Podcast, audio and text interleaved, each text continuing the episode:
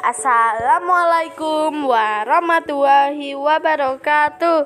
Hari ini saya akan membacakan Benih Misterius penulis Rum Turit. Saat pulang sekolah, aku melihat seekor burung hantu menjatuhkan sebutir benih.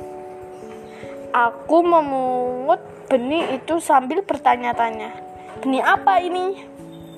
Aku menunjukkannya kepada kakek. Kakek hanya menanam bonsai, ujar kakek sambil tersenyum. Bonsai yang merundung dan meliuk, kakek hanya bisa mencangkok, bukan menanam benih. Ketika aku membawa benih itu kepada nenek, dia hanya menatapnya. Yang pasti ini bukan gandum. Lihat ladang kita yang indah. Nenek hanya menanam gandum. Lalu aku membawanya kepada ayah. Ini bukan benih buah. Ayah tidak dapat menanam di sini. Kemudian ayah menunjukkan pohon buah yang dia tanam.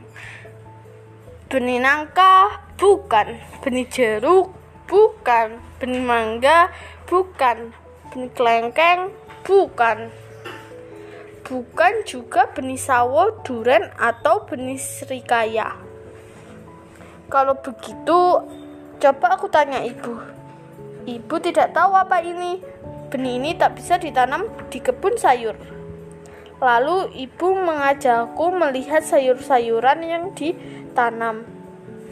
Benih sawi bukan, benih seledri bukan, benih oyong bukan, benih labu bukan. Benih ini juga tidak seperti benih mentimun, pare, ataupun tomat. Lantas aku membawa benih ini kepada kakak. Benih apa ini? Tanya kakak.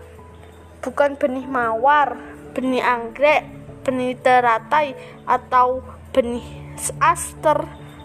Uh, aku bisa bertanya pada siapa lagi? Masa aku harus tanya pada burung? Akhirnya aku memutuskan untuk menanam benih itu. Matahari bersinar, hujan turun, malam berganti, hari-hari berlalu, hingga aku lupa akan benih itu.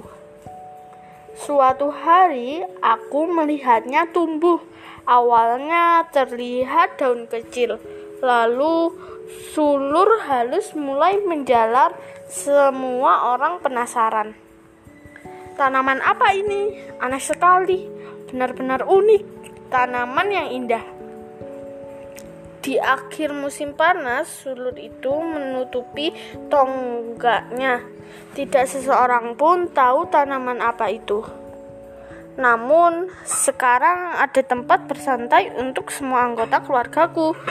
Ibu menyuruhku menamai tanaman itu.